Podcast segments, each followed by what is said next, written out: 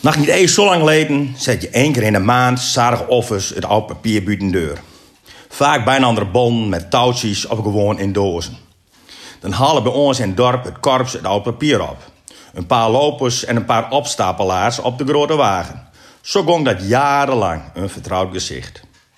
Maar nou zetten we een container aan de dik en die wordt dan door de asauto leegd. Hierdoor is de nostalgie verdwenen van het ophalen van oud papier. De laatste jaren ging het trouwens niet goed met de prijs voor oud papier. Verenigingen die het papier ophaalden om hun eigen kast te spekken, kregen er iets minder voor. De prijs zakte en zakte maar. Er worden door de specialisten gezegd dat het komen zou omdat de vraag uit Afrika en Azië minder worden.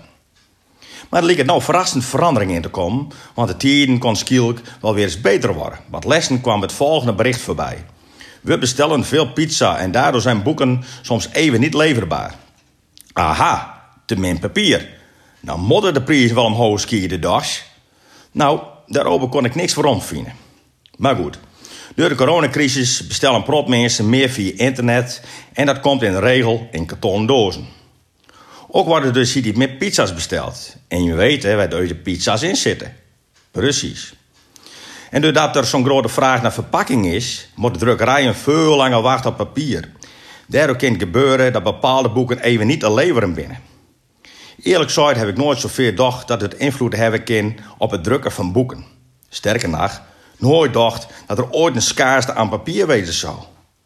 Blijkbaar kan dat dus al. Krijgen we het aardig zo dat papier op een bon komt? En als zoiets gebeurt, waar ben dan die bon vermaakt? Oud papier liep het nou goudwerk te wezen. De papiercontainers blijven leeg. De ashouder voor oud papier hoeft niet meer te rijden. De meesten verhandelen papier nou vanzelf zelfs. Nog even en de meesten gaan op een metten staan met papier. Goeie, wat verkopen jou op deze gezellige met? De man ziet eerst zijn eigen disje even over.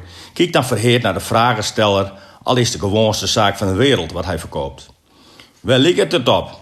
Ik verkoop zelfs papier. En ik kan de één ding zeggen: goedkoper als bij mij krijg je het niet. Ik print altijd mijn column uit om het in te spreken. Maar al deze columns verkoop ik nog altijd per opbod op marktplaats. Wat er precies op staat, is niet eens zo belangrijk. Het gaat ze puur om het kostbare papier.